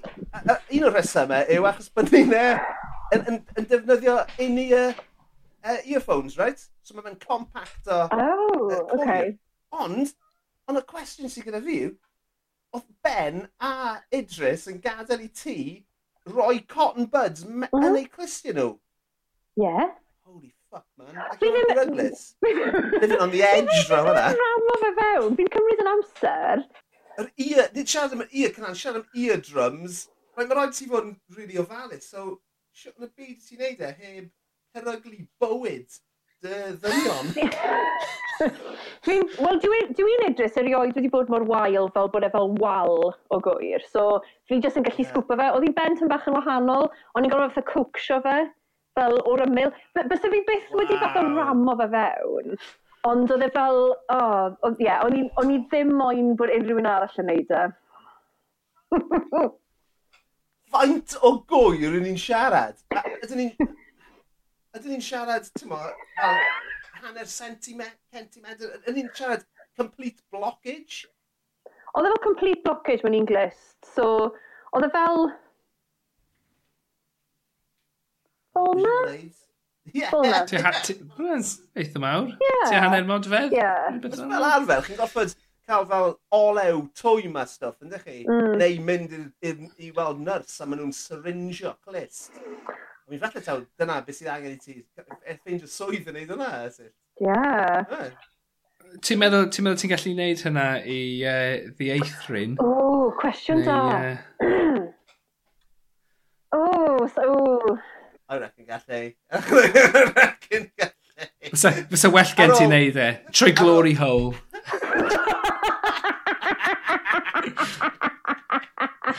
oh, Teimlo lot well os ti ddim yn gwybod be maen nhw'n edrych fel. Just rhywun yn rhoi clust fyny at twll yn y wal. Ond wedyn fi jyst yn dechrau me dechrau meddwl, so sy'n rhywun o'n i rili really ffansio, a fydde hwnna fel yr ultimate, fel... Ie, yeah, mae hwnna'n eitha intimate yn yn dwi'n fel fifth date territory. um, Beth am, um, ydy fe yn yr un cae, achos ti'n bod, fi'n fi, fi, cytuno, mae ma, ma, ma glanhau fy nghystiau yn, yn super satisfying. Um, beth, beth am pethau ti'n modd, yn neud gyda'r corff, ti'n pop o zits, mhm, blackheads, mm, yes. Yes, ben. mae hwn yn... Um, does dim rhai gyda Ben. So, ie, yeah, mae'n really annoying, achos fi'n credu dechreuodd hyn i gyd, oedd um, oedd yng nghyn gariad i, oedd gyda fe spot ar ei gefn, oedd wedi, um, oedd wedi cael ei daflu trwy ffenest. A oedd y ddarn wydyr fi'n credu dal yn sownd yn ei gefna. E. Okay. So, bob nawr ac yn y man, fydde yna fel person datblygu, a fydden ni'n cael gwasgu fe. Fi'n credu mai dyna pam nath y berthynas na bara mor hir. nath y bara mor hir ar spot ar ei gefn. Ond fi'n credu bod y spot dal mas, mae rhywun arall yn cael neud hwnna nawr, a fi'n, fi yn aml yn mynd i gysgu yn meddwl tyfa pwy sy'n gwasgu'r spot na mis yma. Um... ti wedi cwrdd o fy nhad i, yn dwi ti, Esill? Ti wedi cwrdd o fe, nifer o weithiau.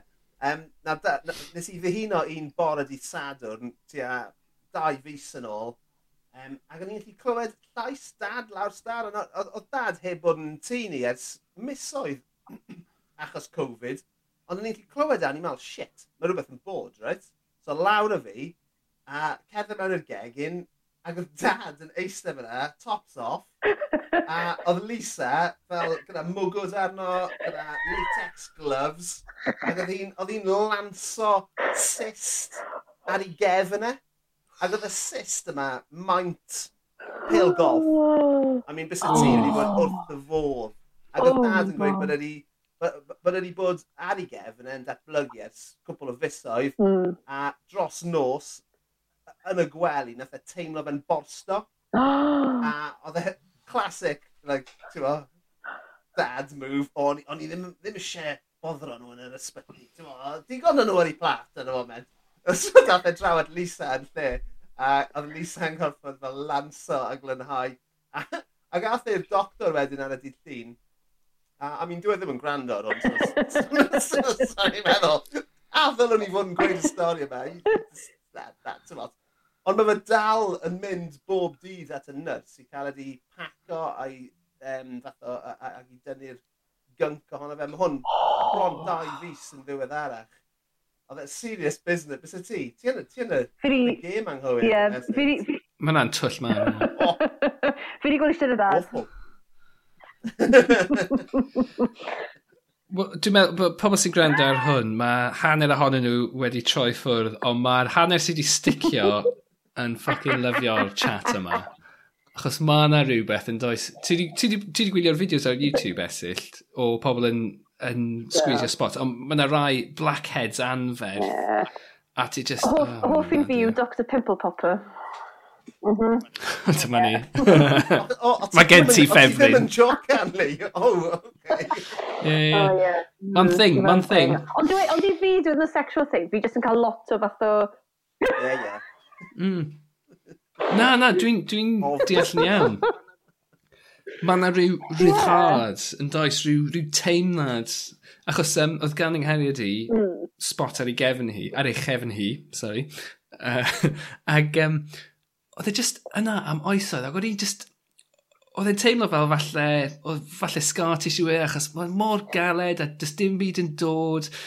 Ac o'n i just yn dyfal barhau, ti'n modd, unwaith yr wythnos, just llaw, llaw fan i cefn i chwysu. Just, oh, dyna neis, nice, just rhoi mwythau iddi, a wedyn just, oh, beth yw'n beth yn digwydd yma. Ond, wir yr, dros tua chwe mis yn, yn gwneud hynny, a wedyn un noson, nath i just ffrwydro yn fy nwylo i.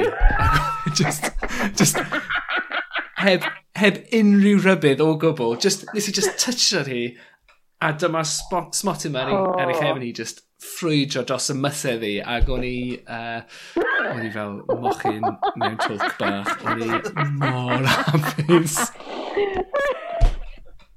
Oh, achos dyma hi... Achos am... Ie. Achos am chwe mis, am chwe mis dyma hi'n dweud, dys dim byd yna. Dys dim byd yna aw, aw, dys dim byd yna. Oh, chwe, Ond uh, o'n i'n iawn i'n y diwedd, so uh, dyna beth sy'n bwysig. So, ti'n gwybod, mae hwnna wedi bod yn croni, yn croni ac yn, ac yn stagnatio. Yeah. Just yn... Yeah. Yeah. Mm -hmm. Oedd hi'n oh, oedd hi'n barod. A nawr, hyd heddiw nawr, dwi'n... Dwi um, dwi'n dwi, dwi rhedeg fy mysydd dros y safle. Just meddwl, oh, cofio, cofio hynny. Cofio noson hynny cariad. Mae ma llwyd wedi colli hyn yn llwyr. Mae fel, what the fuck is going on? Dim o gwbl? Yeah. Nawr ni anfon fideos i ti, llwyd. Wel, dwi ddim yn gwybod, dwi jyst ddim wedi treial. So falle na i heno, mynd ar ôl hwn, falle na mynd i Mr Pimple Popper. yeah, doctor, come on. Ie, yeah, mae'n doctor go iawn. Ie, ie. Dwi ddim wedi... dwi ddim yn i adael Mr Pimple Popper yn agos at y fi. Dr Pimple Popper, tis. Tibbs. Mr Pimple Popper yn surgeon.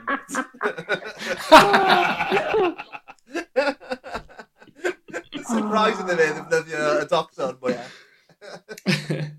Ti'n gwybod pam, pam maen nhw'n... Um, pam mae surgeons yn, yn mister yn y doctor? Wel, yn, yn yr hen ddyddiau, oedd, oedd um, chymod, pan oedden nhw'n dechrau llawdriniaeth a chymod, cyn iddyn nhw datblygu anesthesia, oedd, um, oedd y surgeons mwy neu lai just fel butchers ac oedden nhw'n oh. Bod, oedden nhw'n cael eu considero fel bod gen nhw ddim sgiliau. Felly, doedd, um, doedd, doedd, doedd y byd meddygol ddim eisiau galw nhw'n doctoriaid achos dyn nhw ddim yn considero nhw fel... Ie, yn union. A felly, oherwydd hynny, mae ma surgeons yn dweud, wel, ti'n gwybod be, ffycio chi, gewch chi byth galw ni'n doctor, mister ydw i te. Oh, amazing. So mae hynny, yeah. yeah. Power move. Yeah, dyna beth, dyna sut dwi'n cofio, falle dwi'n siarad shit, ond uh, dwi'n 99% siŵr dyna beth yw i. Yeah. Oh, good job dys ddim yn gallu checio hwnna. O'n i jyst yn meddwl nôl at glistiau Ben, um, pam nag wyt ti yn casglu'r cwyr dros oh, gwed llwyd. blwyddyn. A wedyn... Ac wneud canwyll. Canwyll iddo fe, am i ben blwydd iddo fe. Ti wedi wneud hwn yn weird nawr. Ti wedi wneud yn weird. Fi wedi. Ti wedi cymryd rhywbeth oedd yn ddi newid ac yn bir, a ti wedi troi yn weird. Fe'n anodd ti'n neud gyda fe? Ti ddim yn ei fwyta fe? Just hoffi am ffocin ben. Mae'n swnio fel mae gyda ti fel good supply, ti'n bo? Mae'n swnio fel bod Ben yn gynhyrchwr.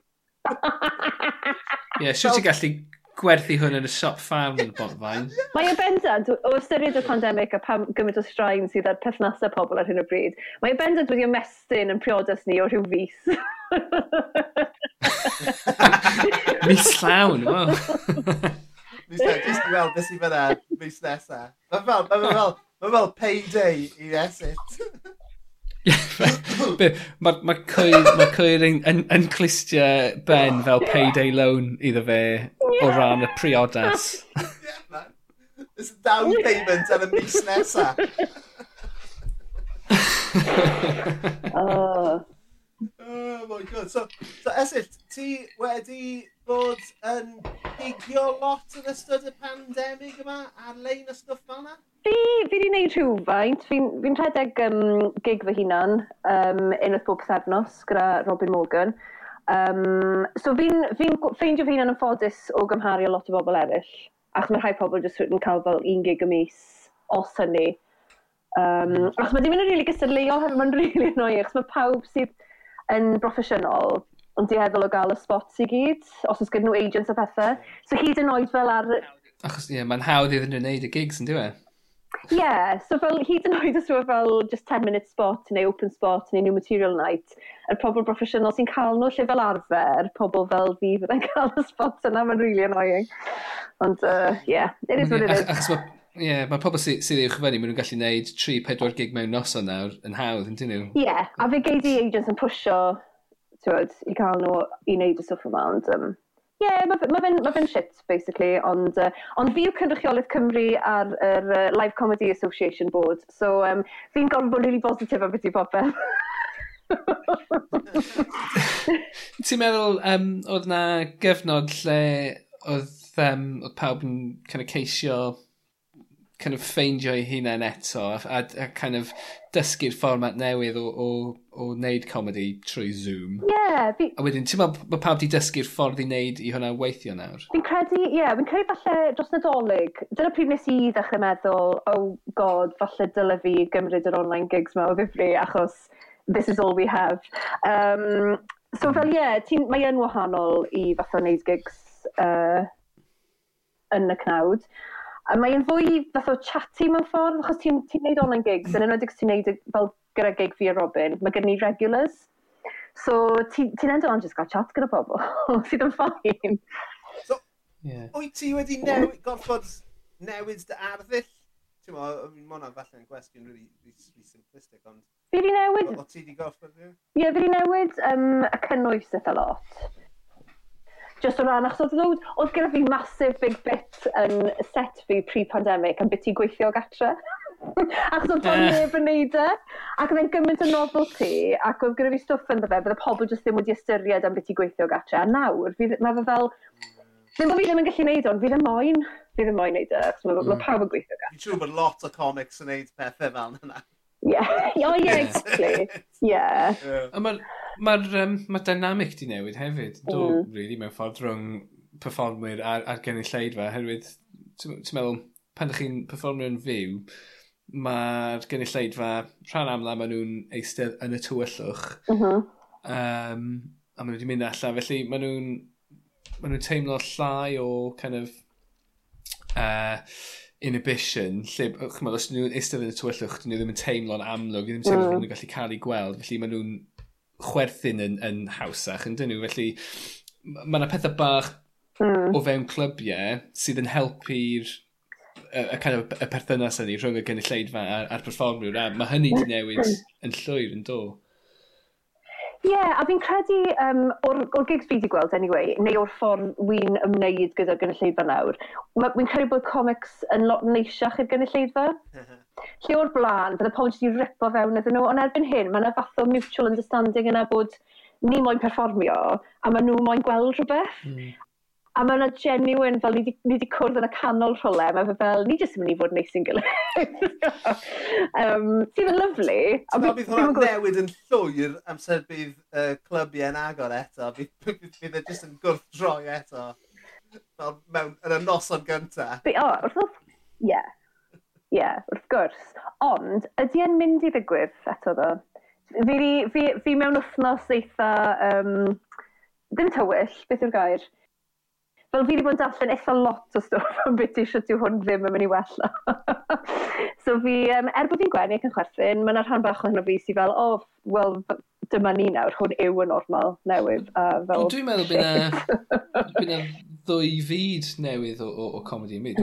Felly, yr hen glybiau, fydden nhw'n dod nôl, ond mae'r byd newydd mae di datblygu a mae, mae lot o, o performwyr yn, yn creu fformat newydd a gwneud pethau newydd, t'mod, ar Twitch a pethau fel yna. A, a, a maen nhw'n ffeindio cynulleidfa sydd yeah. sy eisiau hynny, a maen nhw'n mynd i gallu cario ymlaen gwneud hynny. Ta beth, ti'n hyd yn oed ysdi, ysdi clybiau yna yeah. eto. Um, a dwi'n meddwl falle fydd y ddau yn, yn yeah. mynd llaw at llaw, siŵr fod. Gobeithio, ie. Yeah, achos mae'n lot o stwff da wedi dod allan o hyn, o ran comedi. Um, Ond ie, yeah, mae e just, mae'n anodd, achos broblem gyda, gyda neu stand-up yw, mae e gyd am biti momentum, ac mae e'n gyd am biti ymarfer dy set. so, wi fod i fod yn neud sioe yn gwyl comedi Aberystwyth yn mis hydref, a mae e fel, pryd ydw i actually mynd i ymarfer awr gyfan. Ysgrifennu awr gyfan, gyfa, Ie. Ond fel, ond fel arfer, byddai'r awr yna yn cael ei adeiladu mm. dros bron, well, bron blwyddyn yeah, mewn yeah, bits yeah. o 5 a 10 a 15. So mae e fel, oh, hwnna sydd yn anodd. Dyma dy awr gyntaf ti? Ie, yeah, wel achos o'n i fod wneud e yn mychynlleth mai diwetha. Okay. Ond obviously gath hwnna canslo, so ie. Yeah, ie. yeah. Pa mor beth wneud awr wyt ti, Esyll? Ie, yeah, rhaid bod hynny'n odd wneud, wneud, wneud y cam hynny mm. yn yr, uh, yr amgylchedd yma. Ie, yeah, dwi ddim beth o'n i wedi meddwl. a hefyd, achos yeah. mae'r awr o'n i wedi bwriadu wneud llynedd, yn awr yn hollol wahanol. Fel wedi newid yn llwyr, mae fel, mae'n bron rhan ohono fi, jyst ddim eisiau wneud y material yn y rhagor, achos mae'n teimlo fel oes mm. arall. Um, so ie, yeah, mae'n mae e bach yn od, ond mae'n mae eitha neis, achos mae gyda ti, ti'n ti gwybod bod comedians i gyd yn yr un sefyllfa, Ac os oes gyda ti bob ti'n trysto o fewn circuit ac yn y blaen, mae pawb fath yn tynnu, at tynnu gael hmm. gilydd a, ie. Yeah. Ie, achos dwi'n siŵr os di, pobl sy'n gwrando yn gwybod, ti'n bod, um, dych chi'n mynd o wneud 20 munud at awr, pretty much. So, mae ma, mm. ma gennych chi 20 munud, y set 20 munud sydd yn chwod, eitha solid, a wedyn mm. chi hmm. jyst yn gallu ychwanegu pethau at hynny, neu, neu ysgrifennu sioe sydd yn awr o hyd o gwmpas hynny. A yeah. hynny'n gam anferth yn diwy. Yeah. Ac i, i gorfod gwneud hynny heb chymod, cynulleidfa byw o'ch blaen chi. Mae hynny'n yeah. heriol i ddweud y lleian, diwy. Mae eithaf bach. Na, na, na, na, na, dwi ddim, na, dwi just, na, dwi eisiau, dwi eisiau, ti'n egluro y, y gamp ma, ma Essex yn, yn mynd arni. Na, na, na, ond, ti'n dyma, ti'n dyma, mae'n ma gam anferth, achos dwi ddim, hyd, hyd at y, y set 20 munud, chmod, ydych chi'n neud 5 munud, wedyn 10 munud, wedyn 20 munud. A yeah. ma, ma nhw'n cam bach a ma nhw'n gwneud synwyr, ond mae 20 munud at awr, mae yna lot, lot mwy i, i gorfod wneud, ynddi? Mae e fel, ie, yeah, achos dwi'n wastad yn trio esbonio pobl um, sydd ddim yn deall sut mae'r broses yn gweithio. Mae ma dysgu set o stand-up fel dysgu can, mae yna rhythm iddo fe, mae yna lan a lawr, a mae yna fel poses, a mae yna... So, so pan, mae pobl osod yn... Dwi'n cofio... Um, o rhywun yn ei siarad gyda ages yn ôl, yn meddwl bod, bod ti just yn improviso ar y pryd, ac oedd fel fuck no. fel, ti methu, ti methu lando, fel mae'r comedians gorau, ti'n gwybod, dyn nhw methu lando jokes fel maen nhw'n lando nhw, just trwy wneud off the cuff. Mae yna lot o bobl yn dda am improvisio, ond os ti'n neud sioi awr, ti'n gorfod gwybod lle mae'r rhythm, a uh, So ie, yeah, so, so mae fe fel mynd o sgwennu can a canu can 5 munud o hyd i wneud fatha opus. Mm, yeah, yeah. a trio cofio hwnna i gyd, ti'n gwybod, ie, yeah, mae mae'n anodd. Dyna thing, so, sôn am improvisio, mae ma pobl yn meddwl, oh, Ross Noble, mae jyst yn mm. improvisio pob dim. Ac os, os ti'n gwylio Ross Noble nos, noson ar ôl noson, ti'n sylweddoli, mae'n ma mhm. ma, ma feistr oherwydd mae fe'n gallu improvisio'r un peth pob yeah. nos. Yn union yr un peth. Yeah, a mae lot o stwff... Ond, ond hwnna, hwnna di'r sgil ddo, yn dweud? Yeah, a... Neud i'r peth edrych, a dyna pam yn dda. O oh, ie, yeah, neud i'r peth edrych yn hollol naturiol fel bod ti just newydd feddwl yeah. amdano fe. Na'r peth, achos pan ti'n gweld yeah. um, comedians ar fel panel shows a pethau, maen nhw'n aml yn defnyddio material o set nhw, ond ie, yeah, yeah. ffordd maen nhw'n cyflwyno fe, yeah. It's all trickery. Hyd a lledrith llwyd, mae jyst fel wrestler. Mae wrestler comedy. Oedden ni'n siarad am wrestler o'r blaen. Ie, Ond na, ma nhw, ma nhw yn debyg iawn. Dwi'n meddwl, meddwl amdani, mae wrestlers, maen nhw'n gorfod teithio efo'i gilydd ar, ar draws y lad, maen nhw'n performio o flaen ddim lot o bobl, a maen nhw jyst yn caru'r crefft, a maen nhw'n gorfod performio mewn llefydd shit am ddim lot o arian er mwyn dysgu'r crefft, a wedyn maen nhw'n gorfod gyrru nôl yng nghanol y nos, a maen nhw'n stopio yn service stations, a maen nhw gyd yn gwybod yr un service stations, a maen nhw gyd yn gwybod pawb arall ar y circuit. Mae byd o wrestler comedy yn debyg iawn iawn. So, so pa un o'r rheina yw dy gefndir di ta? O ti arfer neud stand-up? O'n i'n meddwl bod ti. Mae'n arfer fucking wrestler, Harry's men! Na men! Ni wedi bod yn siarad, dyna pam mae fe'n dod o hwnna'n. Cos yn yr intro, ni wedi bod yn fucking mynd amdani am y wrestler. Oedd yn arfer wrestler. Gofyn yn y beth oedd enw oh e. Oh my god. Okay, beth oedd enw ti? Wel, yr un waith nes i performio yn fyw, um, ac wedi'n dweud wrth llwyd, o'n i ddim yn gwybod beth oedd enw fi nes i fi dod allan ac uh, dyma nhw'n dweud Tommy Tucker.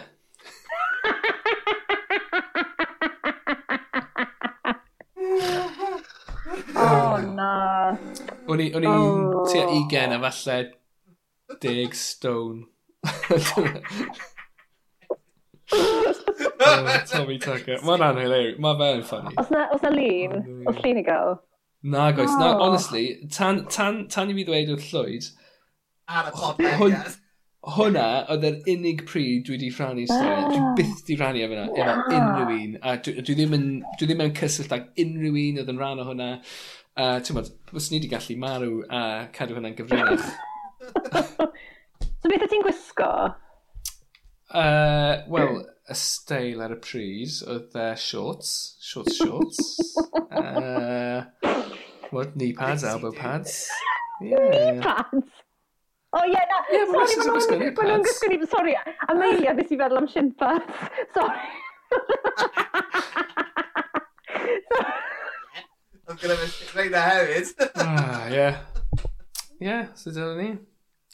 Oh, ah. oh. oh. Pa'n oedd fwy yn y wracking te? Stand-up neu wrestler? Well, pan, pan nes i wrestler, oedd gen i migraine. Um, A pan o'n i'n neud stand-up, o'n i just yn caru cael sylw gan bobl. So, uh, yeah. Mae ma yna rhywbeth, ti'n teimlo, ti teimlo fel um, mae yna galwad i ti wneud stand-up. Mae just rhaid i ti fod ar, ar lwyfan, ti'n meddwl. Ti'n teimlo hwnna? No, sa'n credu bod neb arall yn meddwl hyn amdano fi chwaith. Na, ddim, ddim really, fel fi'n dwlia'r comedi, fi'n fi, fi dwlia'r comedi, a fi, fi ddim yn rhywun sydd o reidrwydd yn... Na, o'n i'n mynd i weid bod fi'n mynd o sylw mae hwnna'n galwydd. y sylw iawn, fi'n lyco sylw iawn. Fi'n lyco... Ie, yeah, achos fel, fel fi wedi bod i weld therapist a pethau, um, yn y gorffennol am ti gweld bethau. A fi'n licio siarad yn finan. Mae'n ma, ma mynd i fod Ti'n talu rhywun i fynd i siarad am dy hun. Ti'n ni ffawd stand-up yma.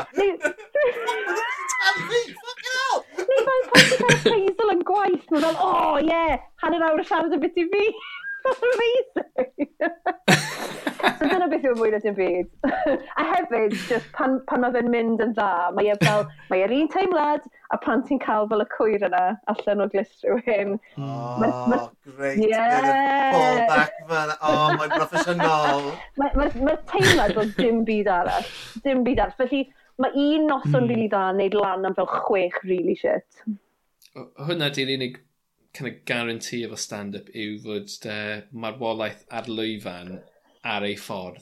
Yeah. Ti ddim yn gwybod pryd mae'n mynd i ddigwydd. Ti ddim yn gwybod sut... Ti ddim yn gallu rheoli sut mae'n mynd i ddigwydd neu be. Gwybod, just, just weithiau, just ddim dynoson di yw e. A just ti'n fucked. A ti just yn gorfod sefyll ar y lwyfan a teimlo fel ti'n boddi o flaen, o flaen pawb. O yn deimlad... Oh, horrible, yn dywe. Ond bys ti ddim yn gwybod y teimlad hynny esill? Ti'n di marw ar lwyfan Oh, come on. Oh, god, don't. Fucking hell. Fi eisiau horror story wrth y ddau o'r chi, please. Esill, ti gynta. Mae o fel, fel fi'n fi tri esbonio bobl beth mae fe fel i farw'r llwyfan. A fi'n cofio pan o'n i'n meddwl bod fi wedi marw'r llwyfan, a wedyn nes i actually farw'r llwyfan. Mae'n mae debyg i fel pan ti'n meddwl bod ti wedi cael orgasm am y tro cyntaf, a wedyn ti'n cael un, a mae'n fel, o ie, na hwnna hwnna yw e. Ie, ie, So mae yn, ie, yeah, yn uh, Cafe Play yn Mumbles o flan fel loads o bobl. Um, ac oedd e jyst yn offer, nathon nhw chwerthin unwaith. Ddim unwaith, ac o'n i'n neud 10 munud. Faint o set o dde, sut? 10 munud o set. A fel... A nes i neud y deg munud? Do. Super. Dyna'r super. Nes i gario ymlaen, a, ond fi'n cofio meddwl i'n hunan, os dyn nhw ddim wedi lyco'r ddwy funud gyntaf, maen nhw'n mynd i gysau i'r wyth funud nesaf. A nes i just, oh, yn awful. Ond ti fel, beth yw, be, be ti'n dysgu fel fi'n credu, y mwyaf ti'n neud e, ti, heblaw bod ti'n neud fel masif fel blunder, fel heblaw bod ti'n bod yn rili really hilio neu rhywbeth, neu, neu bod ti'n cwmpo ac yn seto'r llwyfan ar dan, dyw pobl ddim rili really mynd i gofio ti. So fel, os ydy ti'n mynd yn, yn wael i ti, mae'n mynd i ddim yn wath i ti nag iddyn nhw. Bydd e fel, iddyn nhw, meddwl e fel, oh, well, you know, she wasn't great. Ond nhw'n cof, nhw cofio ti. Yeah. A, a bydde... A bydden nhw'n gweld act arall sydd ar ôl ti, neu, neu exactly. cyn ti, bydden nhw'n cofio cael, can amser da efo nhw. Ie, yeah, ie. Yeah. So fi'n credu, mae, mae'n broses ti'n gorfod mynd trwy hynna cyn bod ti'n gallu, twyd, make your peace with it, math o beth. So, um, yeah. Amdano ti, Lee? Uh, i, well, un, i, yr un sydd dwi wastad yn cofio yw um, yn un gig uh, Matt and Fred's Jazz Club yn Manceinion. Ac uh, oedd Sarah Millican ar y bil. Cyn iddi hi fod ar teledu neu dim byd, ond oedd hi'n, cymod, hot shit yn y stand-up world o pawb yn meddwl, right, mae hi'n, going places.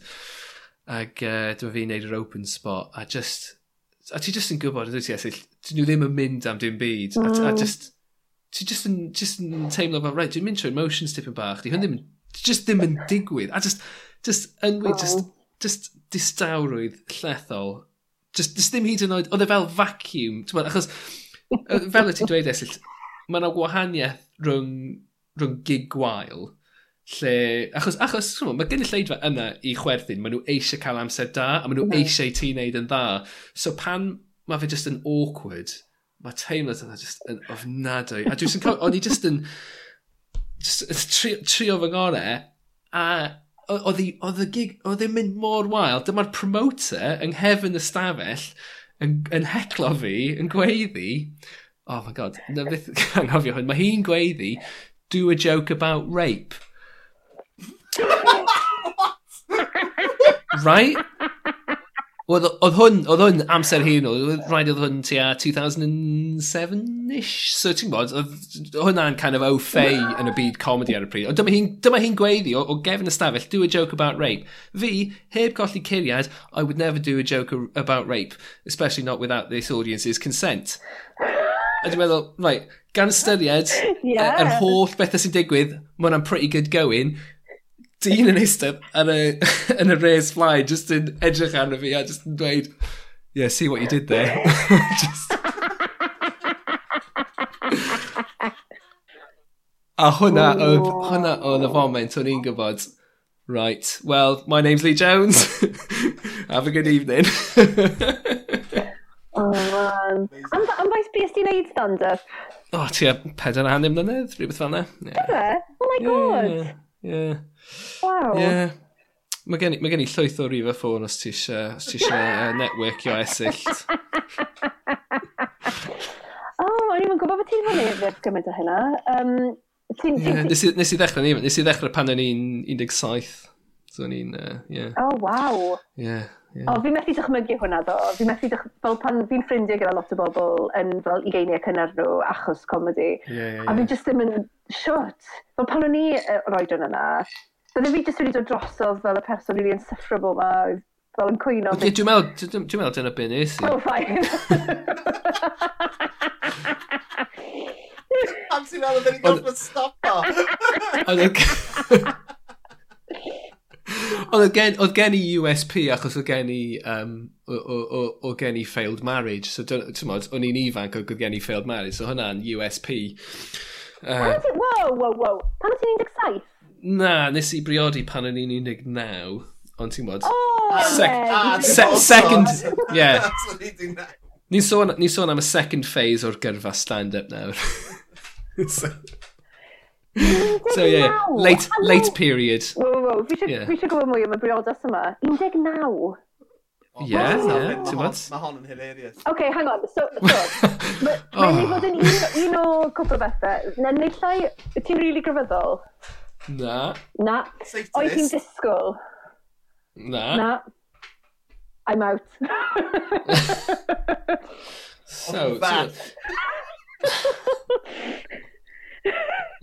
um, so, edrych nôl ar y cyfnod yma ac uh, so, mae ma pethau'n glir iawn pan ti'n gallu uh, edrych nôl ar pethau. Ac um, oedd y ddau ohono ni yn, ti oedd e salwch meddwl, i fod yn hollol onest. Oh, okay. Ac uh, o'n i'n disgwyl iddyn ni, pan wnaethon ni dy, uh, dyweddio, o'n i'n disgwyl iddyn ni cael dyweddiad hir, ti'n gwybod, cyf mm -hmm. cyfle flynyddoedd Ond uh, naw mis wedyn, dyma ni'n uh, priodi mewn capel. Uh, oedd e'n gwasanaeth hyfryd. Um, nath, i, nath, nath i cerdded mewn i'r capel wrth i Deli'n chwarae calon lan. Ti'n modd, uh, pretty good stuff. Uh, oedd hi'n briodas Gymraeg dda, ti'n modd. Uh, Yma na, pob dim. Mae'n barodd e fi. Uh, Nythyn ni wahanu y diwrnod cyn ein penblwydd priodas cyntaf. Ah. Ond, ond, oedd hi'n naid flwyddyn. O na, oedd hi'n naid flwyddyn, so mae hwnna'n 365 days. So. Mae hwn hirach na lot o bobl. Mae hwn hirach na lot o bobl. Ie, ie. Ond ti'n gallu cael an element o fewn blwyddyn, ond wedi hynny, mae'n rhaid chi cael divorce. So, full on divorce pan o'n i'n ah. ugen. Wow. Ond, ti'n bwyd o hwnna mewn i dy set stand-up di. Yn union, yn so, union. Know. So, hynny'n ffynnu. Yeah. Wow. Wyt ti dal yn cysylltiad gyda hi? Na, gydw. Na, na. Nethon ni, nethon ni, um, tro diwethaf i fi weld hi, o'n i ddim yn disgwyl gweld hi o gwbl. Um, oedd uh, diwrnod San, uh, yeah, diwrnod San Steffan mynd ar pub crawl yn Dimbych. O'n i heb gweld hi na siarad efo hi ers tua tai mlynedd.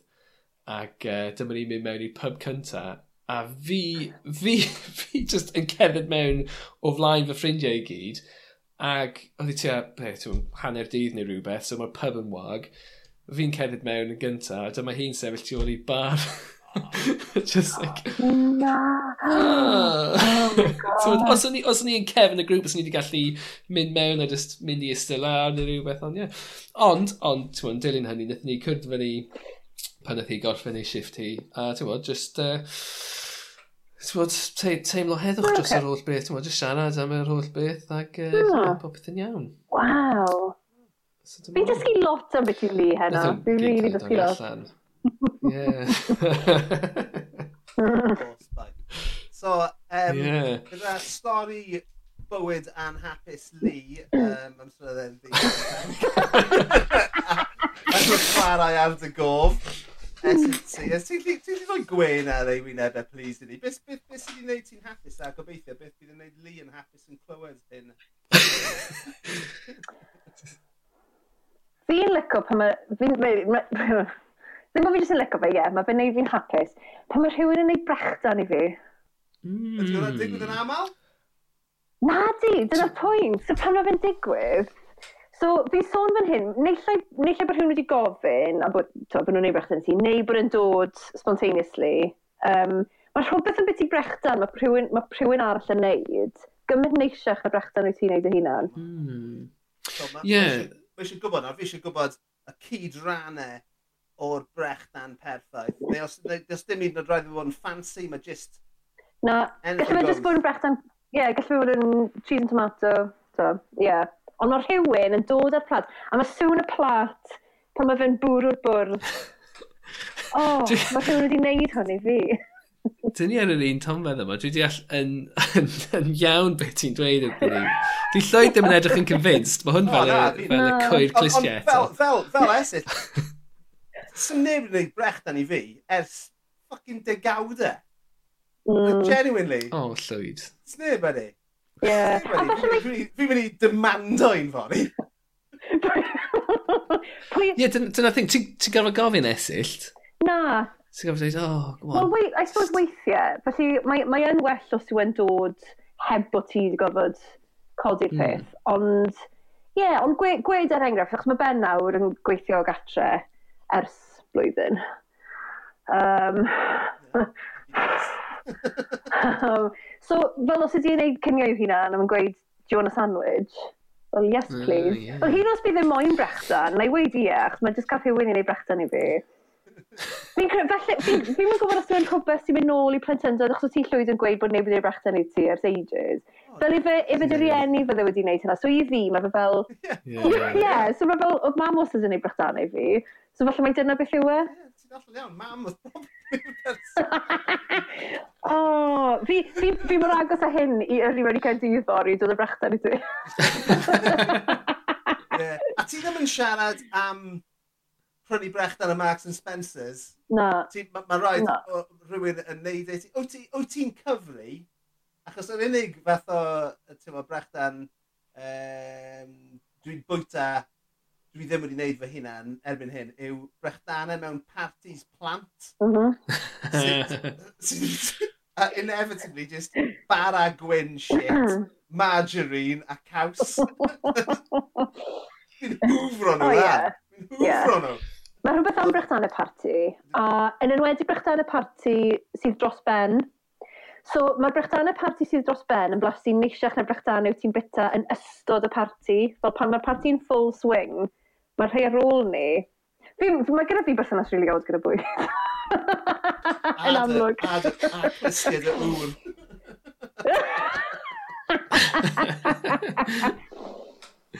so, come on, fi eisiau clywed nawr, alright. So, so mae ma fi'n fi, fi, fi gyda ti am yr um, rhywun yn dod ar brechdan, ond sut ti ti'n ma, hwn nôl i dy, beth, beth yw'r cydrannau sydd yn gwneud brechdan perffaith?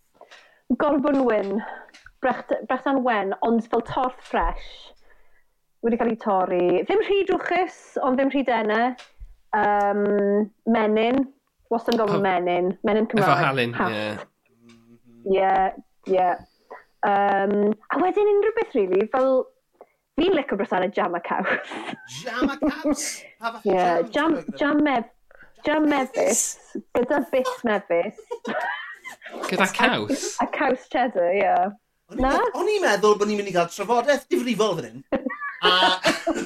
Ie, yeah, mae hwn yn ffucking ddifrifol, mate. Mae ma, ma rhaid i ni cael intervention. Ti di gadael, ti gadael, ti'n gadael Kingsmill lawr. Wel, ti'n meddwl, fel lockdown cyntaf, o'n i'n neud fel toasty allan o popeth. So basically, unrhyw beth ti'n cael o brechdan, o'n i'n cael e fel toasty. So fel toasty jam a caws. Dyna beth mae'n nghariad i'n neud. Mae'n cael toasty oh, yeah. allan. A mae hi jyst yn, right, toasty, ie. Yeah. Oh, yeah.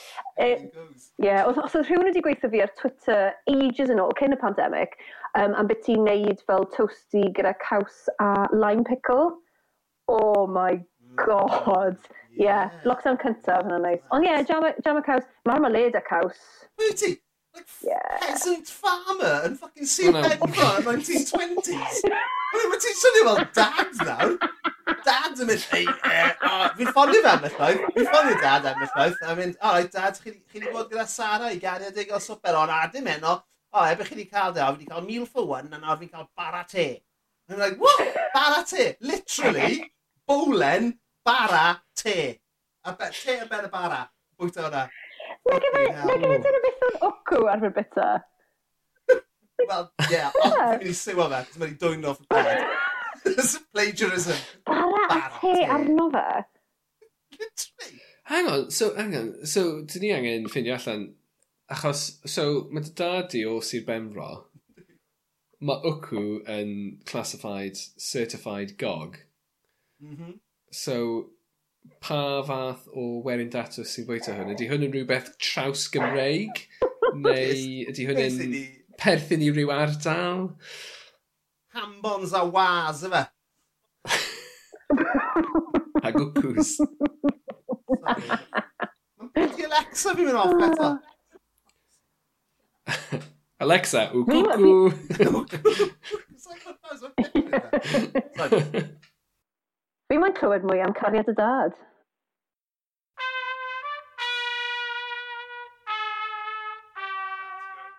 In the words of Tim Westwood, wrap it up before you slap it up. so, eh, ei, Esyth, diolch yn fawr iawn i ti am ddod i rannu dy bethau sydd yn neud ti'n hapus gyda ni heno. Mae wedi bod yn lot fawr o hwyl. So, um, unrhyw beth ti eisiau plygio cyn ti fynd? Um, na. Dim ni! Ti eisiau dechrau... Ti eisiau dechrau YouTube channel lle ti'n cymryd cwyr allan o glistio pobl? Falle hynny, hynny di'r cam nesaf yn dy yrfa di a ti gall... A ti, oh, falle, ie, yeah, does na ddim, does na ddim sianel Cymraeg right. o hynny, nag oes? Ti oh. gallu, a ti gallu bod yn heillig iawn yn dweud, o, oh, drach ar y mochyn yma, o. o, ti hyd ychmygu efo fi lot o ffermwyr gyda backlog. Eitha... Uh, o, mm, jeez. Ie. Mm. Um, Ti'n gweud bod e ddim yn, ddim yn sexual, ydy? um, mae going to stuff yn... Leave the wellies on. um, Mae cwbl beth yn dod lan, ond ysgrifennu ddim dyddiadau'r gyfyn nhw eto sy'n ei adael hyn allan. Um, mae uh, no, noson fel New Material Comedy Night mlaen bob yn ail nos fercher. So os chi jyst yn dilyn fi ar Twitter, gewch chi manylion ar hwnna. A hefyd, ewch i YouTube, te a edrychwch ar um, rhaglen banel o'r enw Who Said That ar YouTube. Achos wi, wi arno fe lot. Mm. So. Oh, yeah, so uh, os pobl eisiau eisiau dyddilyn di Esyllt mair ar Twitter? Ie, yeah, ti eisiau gwybod pam mae esill mair yw e? Ai hynna yw denw di? I'm guessing. Gad God i fi feddwl. Alai, smart ass. Um, na, achos mae'r accesus dafydd o'n i ar y pryd cyn priodi. A nes i feddwl, ydw i'n rili really mynd i seinio fyny i Twitter a cael pobl yn dechrau dilyn fi a wedyn gorfod newid yn enw i. So nes i gadw fe gyda enw canol. Mm. Dwi'n mynd yn rol iawn o'n ffrom. A ti'n gwybod, mae'n insurance policy hefyd rhag ofyn i uh, ti a ben. O, sy'n sy rhag ofyn amdani, gwybod. Unwaith y cwyr yn rhedeg mas. Ti'n ti dilyn y yeah. cwyr.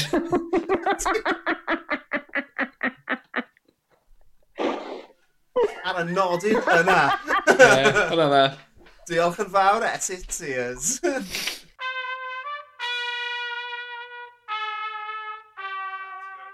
So dyna ni am benod arall o Sbeidiau Heilog. Diolch yn fawr iawn i Esill Sears am eich chwmni hi heno. Uh, neu yn y bore yma, dibynnu ar pryd ych chi'n gwrando wrth gwrs, a diolch wrth gwrs i Band Pres Llaregib am y theme tune. Yeah, so, os gallwch chi ein dilyn ni ar Twitter, ysbeidiau hei pod, a tansgrifio, rhannu, with ffrindiau, Gweud wrth eich mam gys a'ch dad gys, fi'n siŵr bod nhw'n caru'r quality content. A tan y tro nesaf, tati bai!